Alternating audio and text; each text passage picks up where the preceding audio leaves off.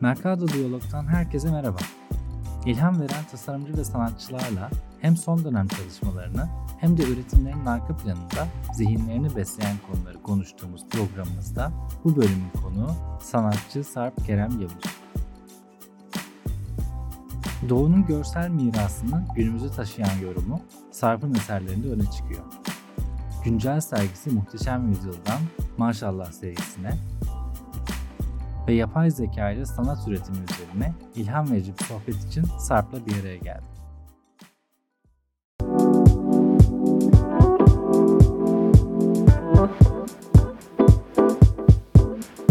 Merhaba Satoş takipçileri. İlham veren tasarımcı ve sanatçılarla sohbet ettiğimiz Mercado Diyalog'un yeni bölümüne hoş geldiniz. Ben Yağız Genç. Bugünkü konuğumuz sanatçı Sarp Kerem Yavuz. Hoş geldin Sarp. Hoş bulduk. Öncelikle seni burada yakalayıp programımıza konuk ettiğimiz için çok mutluyuz.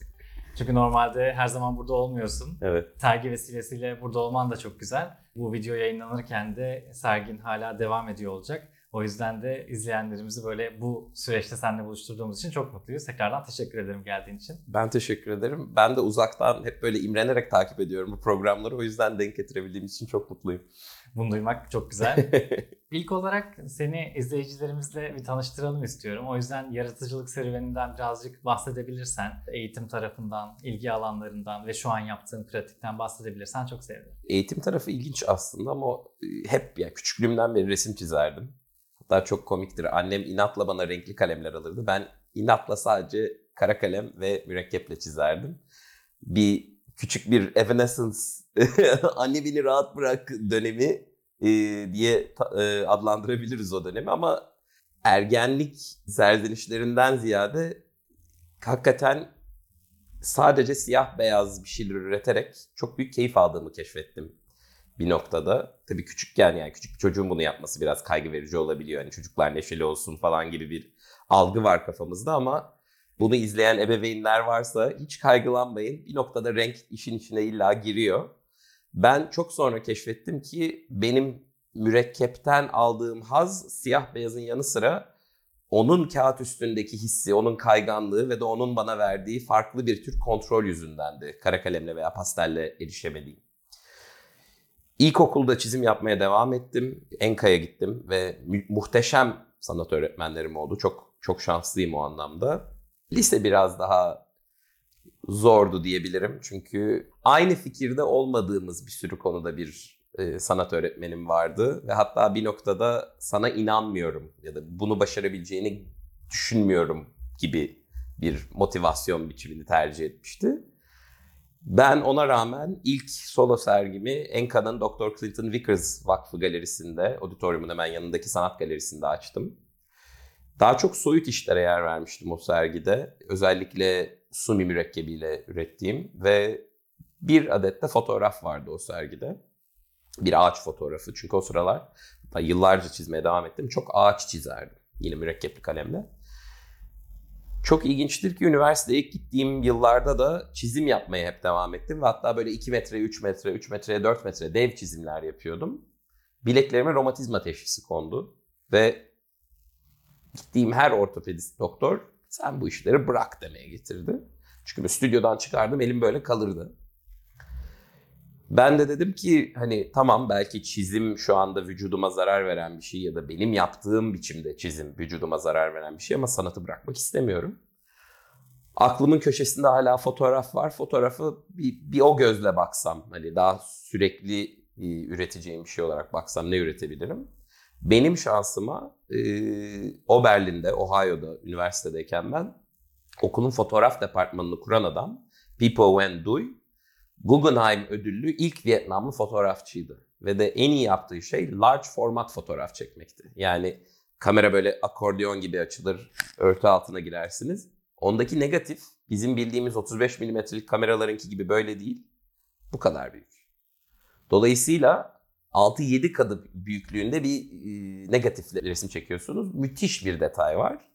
Ama tabii bir o kadar da hassasiyet var. Çok daha zor. Çünkü milim kıpırdasa fark ediyor anında.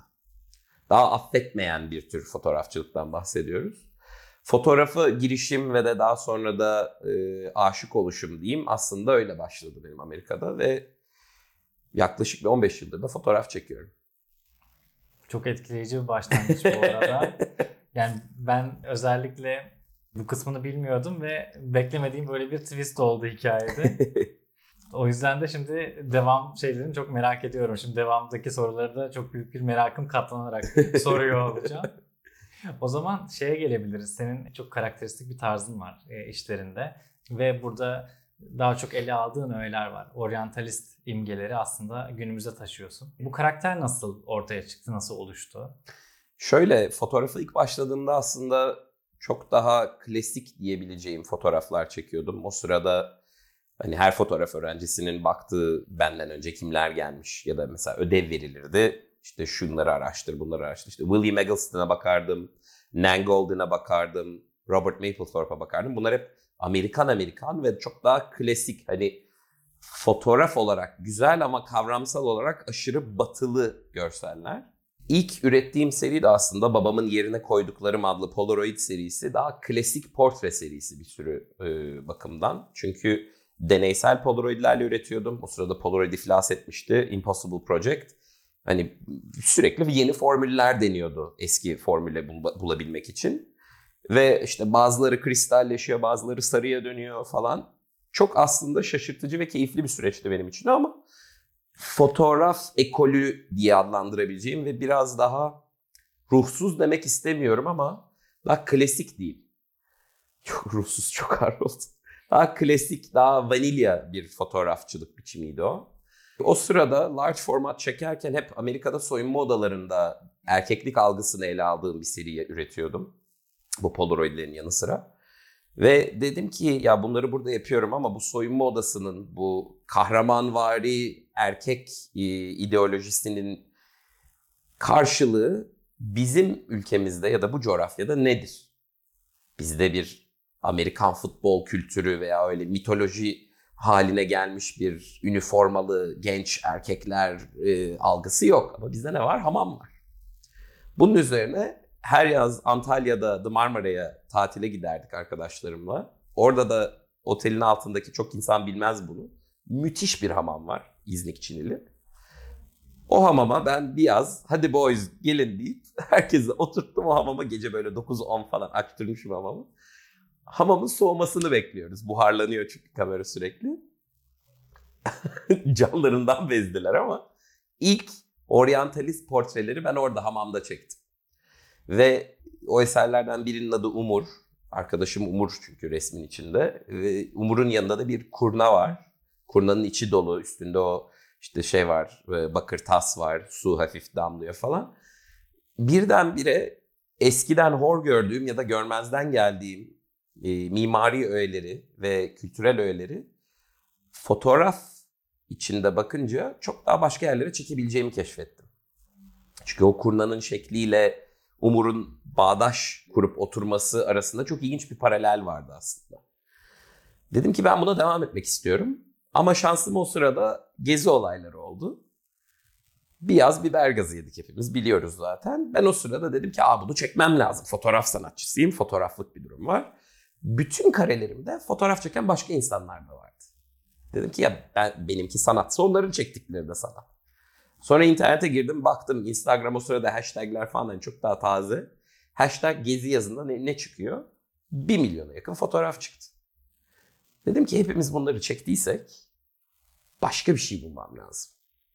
Yani şu anda bu coğrafyada olan biten sosyopolitik durumu sanatsal olarak ele alacaksam ve bunu hassas bir şekilde yapacaksam, bunu güzel bir şekilde yapacaksam bunun çözümü başka.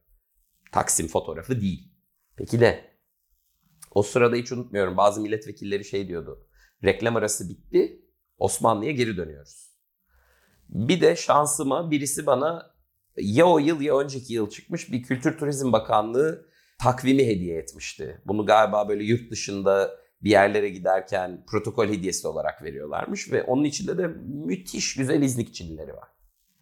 Tam o sırada Chicago'da master'a başladım. Art Institute of Chicago'da fotoğraf master'ına. Bir gün müzenin içinden yürüyorum ki çok ilginçtir. Müzenin içinden yürürken okul binası ile müze arasında bir kısa yol vardı çünkü. Hava soğuduğu zaman onu kullanırdık dışarıda yürümeyelim diye. Eksi 30 derece oluyor. Önce Roma heykellerinin arasından geçiyorum. Sonra Asya galerileri var böyle Budist heykeller ve böyle mürekkepli el yazmaları vesaire. Sonra da müzenin e, hediyelik dükkanı var, mağazası var. Her gün ben bu parkuru geçiyorum bu sırada, bu sekansta. Ve bir gün e, hediyelik dükkanda resmen bir spot ışığı koymuşlar. Bugüne özel 9 dolar 99 cent e, Traditional Ottoman Designs gibi bir kitap var. Dedim ya bu bir işaret. Almam lazım kitabı. Elimde video takvim var. Bir ona bakıyorum bir kitaba bakıyorum. Dedim ki ben bu desenleri kullanmam lazım.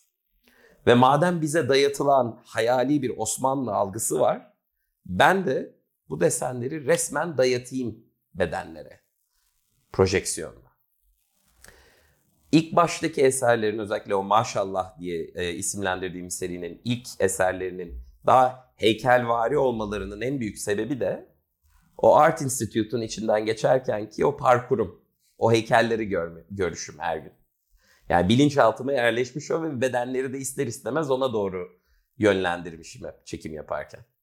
Ve oryantalizm serüvenim aslında ya da oto-oryantalist serüvenim diyeyim böyle başlıyor. Henüz sergiyi gezme fırsatı bulamadım Okay. ama bu bilgilerle gezmek çok keyifli olacak. Yani işleri biliyorum. Sadece sergi mekanının içinde görmedim. Yani yeni seriyi katmıyorum bunun içine. Onu da konuşacağız ama bu maşallah serisiyle ilgili mesela hikayeyi öğrenip şimdi bu şekilde sergi gezmek çok keyifli olacak. Onlar da var değil mi bu arada? Onlar da var. Sergi iki kattan oluşuyor. Birinci kat yeni eserlerim, Wet Dreams isimli serim. İkinci kat bir nevi hani retrospektif demeye dilim varmıyor ama geçtiğimiz 15 yıl boyunca çektiğim fotoğraflar. Bunu hani nasıl adlandırmak isterseniz. Ben diyebilirim istersen. Kabul. Sarp'ın mini retrospektifi Mini retros, orada evet. e, görebilirsiniz, ziyaret edebilirsiniz ki olması da çok değerli. Yani hem yeni işlerinle hem de e, daha önceki çalışmalarını bir arada bence gezebilmek çok güzel bir deneyim olacak. E, Ana Leodel Galeri'de ve Muhteşem Yüzyıl Evet. ismiyle sergi şu an e, açık. Ne zamana kadar da onu da söyleyelim. Sergi 5 Kasım'a kadar açık. Süper. Pazartesileri hariç her gün 12 ile akşam 7 arası gezilebilir.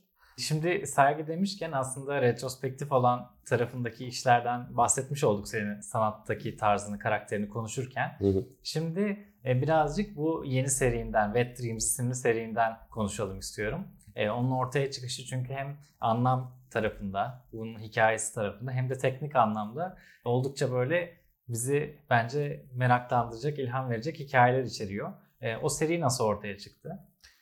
Şöyle yapay zeka serüvenim benim aslında 2022 yazında ressam Memo Kösemen'in eserleriyle başladı. Çünkü e, benim çocukluk arkadaşım kendisi ve çok güzel, e, inanılmaz güzel kolajlar koymuştu sosyal medyada. Ben hani ya tarz değiştirdin hayırdır falan diye konuşurken dedi ki böyle böyle Mid Journey diye bir program çıktı onu kullanıyorum. Hemen girdim baktım ben de. O sırada daha Mid Journey fotoğraf falan yapmıyordu.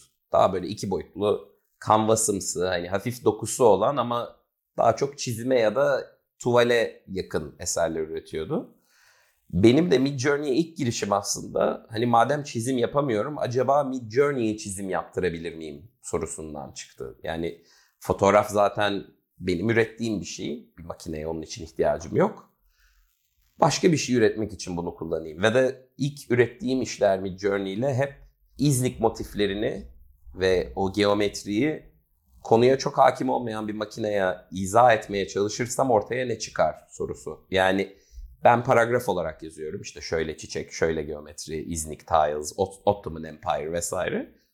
Makine beni ne kadar anlıyor? Yani tamamen deneydi bu benim için.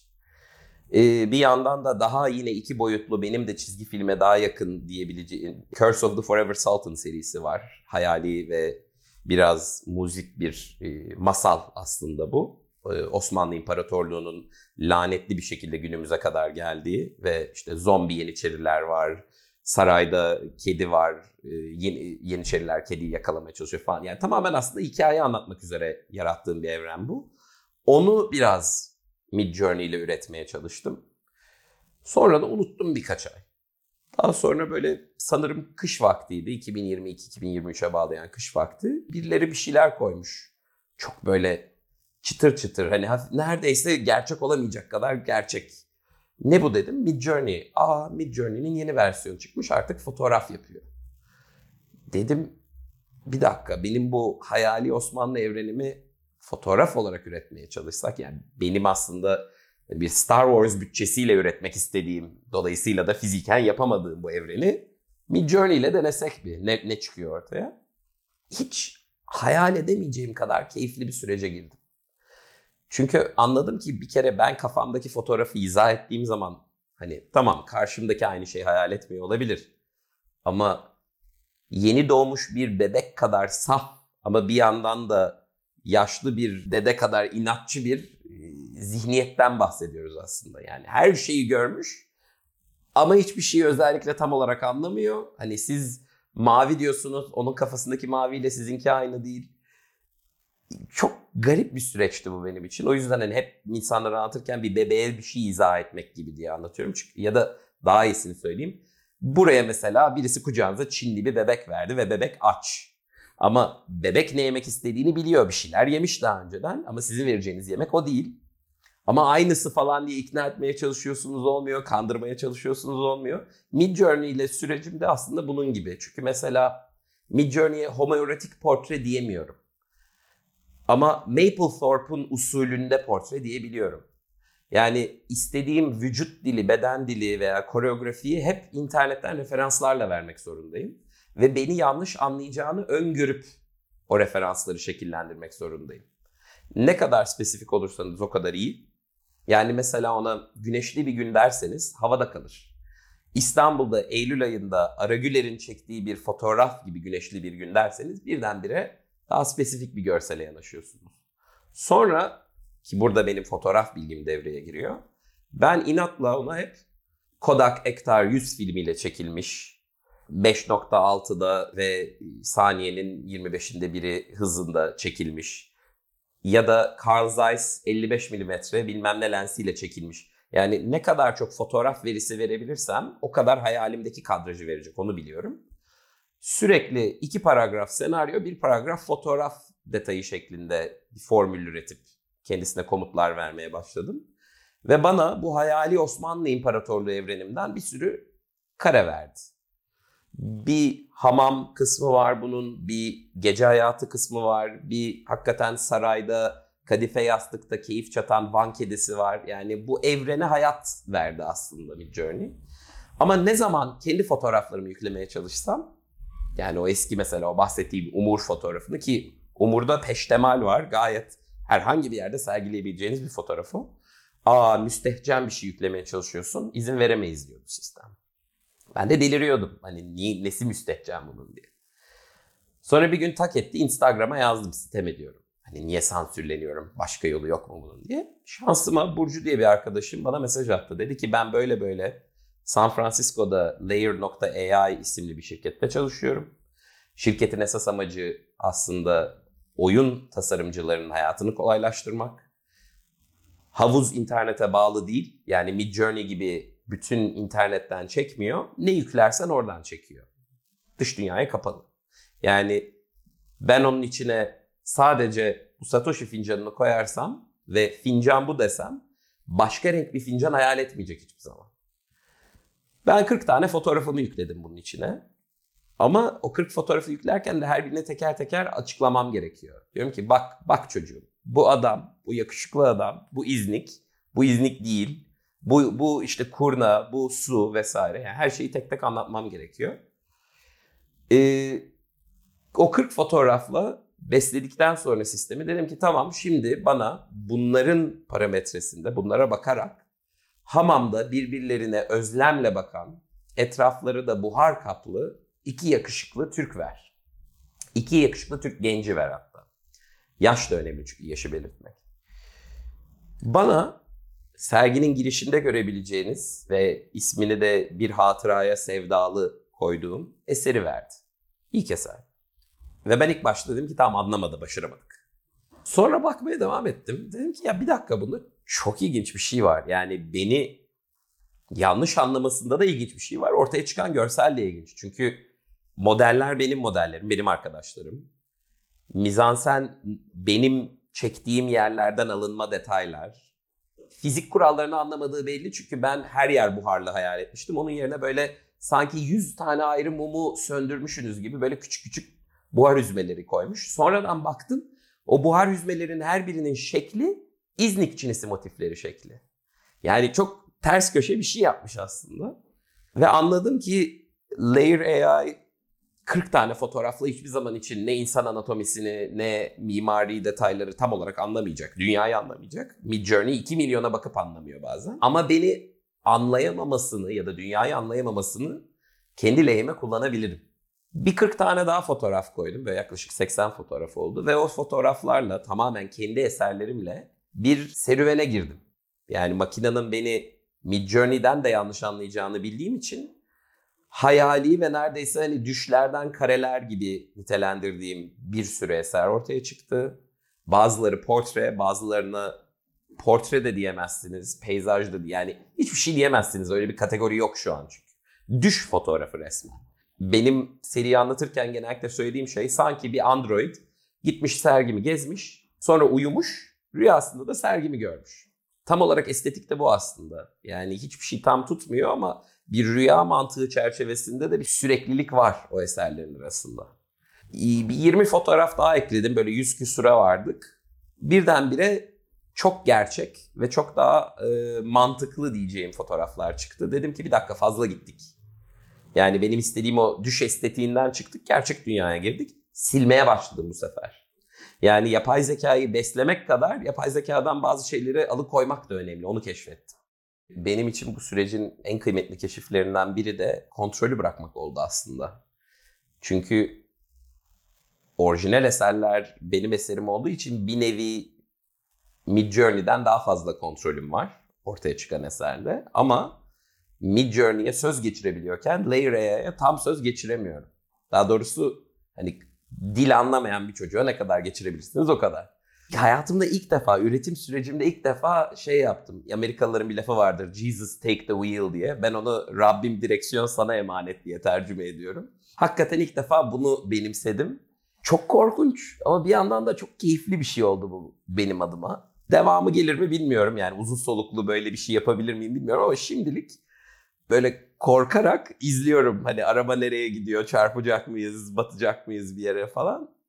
Bir sanatçının kontrolü bu denli bırakabilmesi de bence yani üretim süreçleri açısından veya yeni bir şeye başlarken kendilerine bir reset butonu görevi görmesi açısından çok kıymetli. Süreç çok heyecanlı geliyor kulağa. Yani evet. özellikle bu direksiyonu bırakabilmek gerçekten zor bir şey. bir de hani gecenin körü ben ben çoğu zaman geceleri çalışırım. Hatta sabah 6'da uyurum. Millet beni deli zannediyor o yüzden. Baya baykuş gibiyim. Sabah 6 güneş doğarken yatarım. Geceliğin saat 3-4 ben böyle bilgisayara bağırıyorum niye beni anlamıyorsun diye ya da böyle bir daha bir daha silip bir daha metni yazıp sonra bir daha hani millet şey zannediyor yapay zeka işletirken aman butona bastın çıktı. Ya diyorum hani o kadar keyifli olurdu ki öyle olsa ama bir yandan da çok ruhsuz olurdu çünkü üzerine çalışmıyorsanız niye sanat yapıyorsunuz ki? Hani o o uğraş kısmı key, bize keyif veren, bizi heyecanlandıran kısım. Ama hayatımda ilk defa o uğraş bilmediğim tarafta bir uğraş. O yüzden de kendimi hani hakikaten karanlık sularda yüzüyor gibi hissediyorum. Aslında konuşmak istediğim konuyu bayağı bir konuştuk. İçine girdik. Yapay zeka ile sanat üretimi. Bunu senin son serinin üzerinden çok güzel yaptık. Ama birazcık daha böyle bir toparlamak adına belki üstünden geçebiliriz. Çünkü seni burada konuk almışken e, yapay zekanın farklı araçlarını, farklı motorlarını kendi pratiğine göre kullanan bir sanatçı olarak senin yorumların çok değerli. O yüzden yapay zeka ile sanat üretimi nedir? Bunu nasıl tanımlıyoruz? Ve birazcık da nereye gidebilir? Nereye gitmesini öngörüyorsun ya da istersin ya da ilerlememesi belki de öğrenme noktasında gelişmemesi de sanata katkıda bulunuyor mu? Çok zor sorular bunlar tabii. Hatta geçen gün sitem ediyordum. Niye niye bunun muhtarı ben seçildim? Niye hani Silikon Vadisi'nden birileri çıkıp anlatmıyor diye. Ki komiktir. Bu Mid Journey ile ilk iş üretmeye başladığım zaman yazdım adamlara. Ben böyle böyle bir şey yapıyorum ve hani sizinle konuşmak çok istiyorum çünkü böyle bir sansür mekanizması gözlemliyorum ve hani ay beni sansürledilerden ziyade bu sansür mekanizmasının parametreleri nedir? Kime neye göre yapılıyor? Ve işin farkında olmadan homofobiye kaydın, kaydının farkında mı birileri? Kimse cevap vermedi. Bir daha yazdım. DM'lere yazdım, Twitter'a yazdım ki normalde Twitter kullanan bir insan değilim. Kimse cevap vermedi. Sonra bir gün adamın başka bir röportajını buldum. Meğersem ilkbahar boyunca CNN bilmem ne herkes adama yazı yazıyor. Adam da büyük bir saflıkla cevap veriyor. Sonra da bütün makale başlıkları yapay zeka işinizi almaya geldi. Yapay zeka yüzünden fotoğrafçılar işsiz kalacak falan.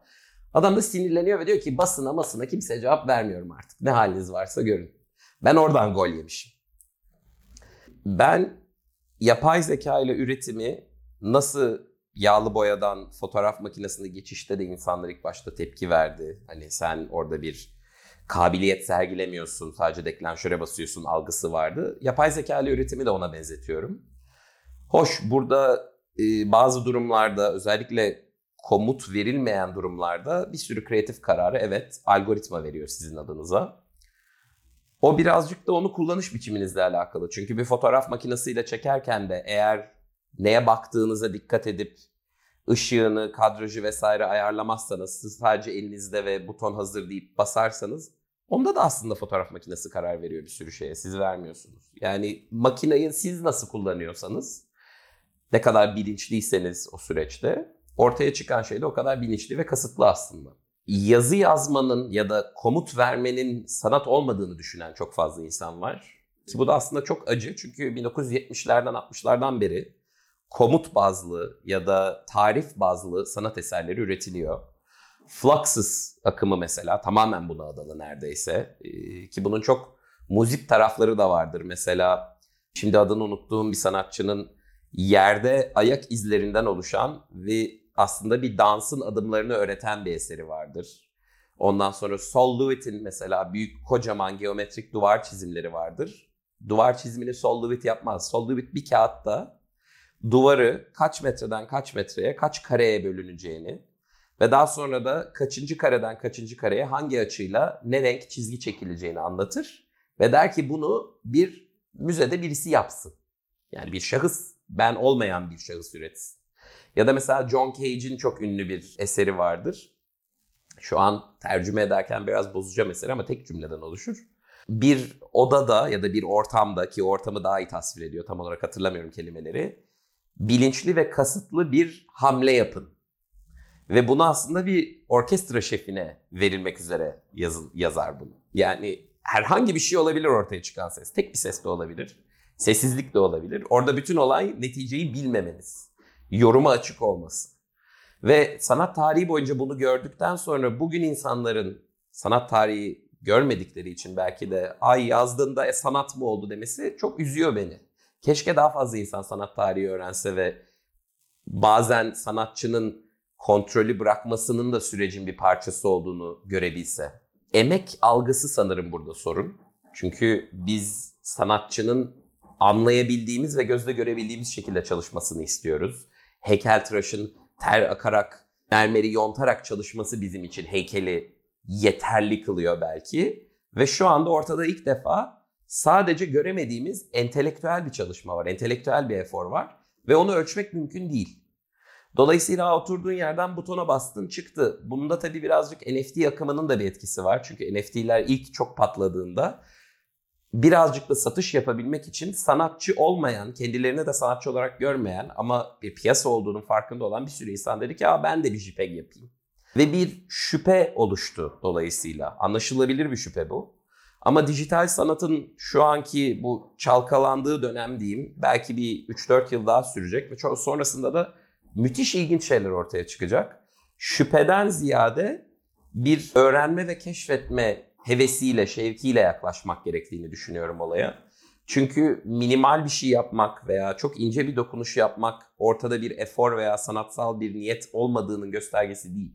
Tam tersi o minimalliğe varmak aslında müthiş bir sanatsallık. Ben özellikle fotoğrafı artık bıraktım, yapay zekaya full geçtim demem. Hatta tam tersi şimdi Layer AI'ın benden beslendiği için hayal gücünü genişletmek adına ona besleyeceğimi düşünerek yeni fotoğraflar çekmeyi planlıyorum. O da çok heyecan verici. Yani ilk defa fotoğrafı çekti, çekip göstermek değil, ona besleyebileceğim şekilde nasıl çekebilirimi düşünüyorum. Daha kolaboratif de bir şey var tabii bu süreçte. Nereye gidecek bilmiyorum bu ama herkesi sergiyi görüp kendileri için keşfetmeye davet ediyorum. Kesinlikle çok heyecan verici bir süreç ve sanatçının rolü değişiyor. E, bununla ilgili adaptasyon sorunu algısı olarak hem işte toplumda hem sanat piyasasında tabii ki e, çok fazla tartışmaya yol açıyor dediğin gibi. Ama burada emek verilen şeyin değişiyor olması emek verilmediği anlamına gelmiyor. Evet. Sanatçının bir fiil yaptığı eylemin değişiyor olması onun çalışmadığı, fikir üretmediği anlamına gelmiyor. Herkese dediğin gibi şimdi bu şekilde e, düşününce de bu da benim için yeni bir şey oldu. Sen o algoritmayı beslemek için aslında kendi pratiğini yönlendirdiğinde, ona özel bir çalışma yaptığında zaten bunun hani senin tamamen izlin taşıyan bir eser çıkarmaması mümkün değil. Evet. O yüzden özgünlük tarafında da bir e, şüpheye yer bırakmıyor bence. Sadece bu yeniliği ve potansiyelini aslında keşfedip, benimseyip bundan faydalanarak yaratıcılığın nereye gideceğini görmemiz gerekiyor bence. Şöyle bir şey de ekleyeyim. Çünkü bu aralar konulardan bir tanesi de telif hakkı. Ve insanlar diyor ki ay işte sanatçıların telifleri falan filan. Ve benim favori gözlemlemeyi sevdiğim favori şey internette birileri yazmış. Ben ben işte avukatımla konuştum, yazı yazdılar. Benim eserlerimi çıkarın dedim. O kadar büyük bir narsizm var ki burada. Çünkü insanlar 2 milyon görsel deyince mesela 2 milyon çok soyut bir rakam. Hayal etmiyoruz 2 milyon neye benziyor. Ben daha somutlaştırmak adına diyorum ki bir kumsal hayal edin.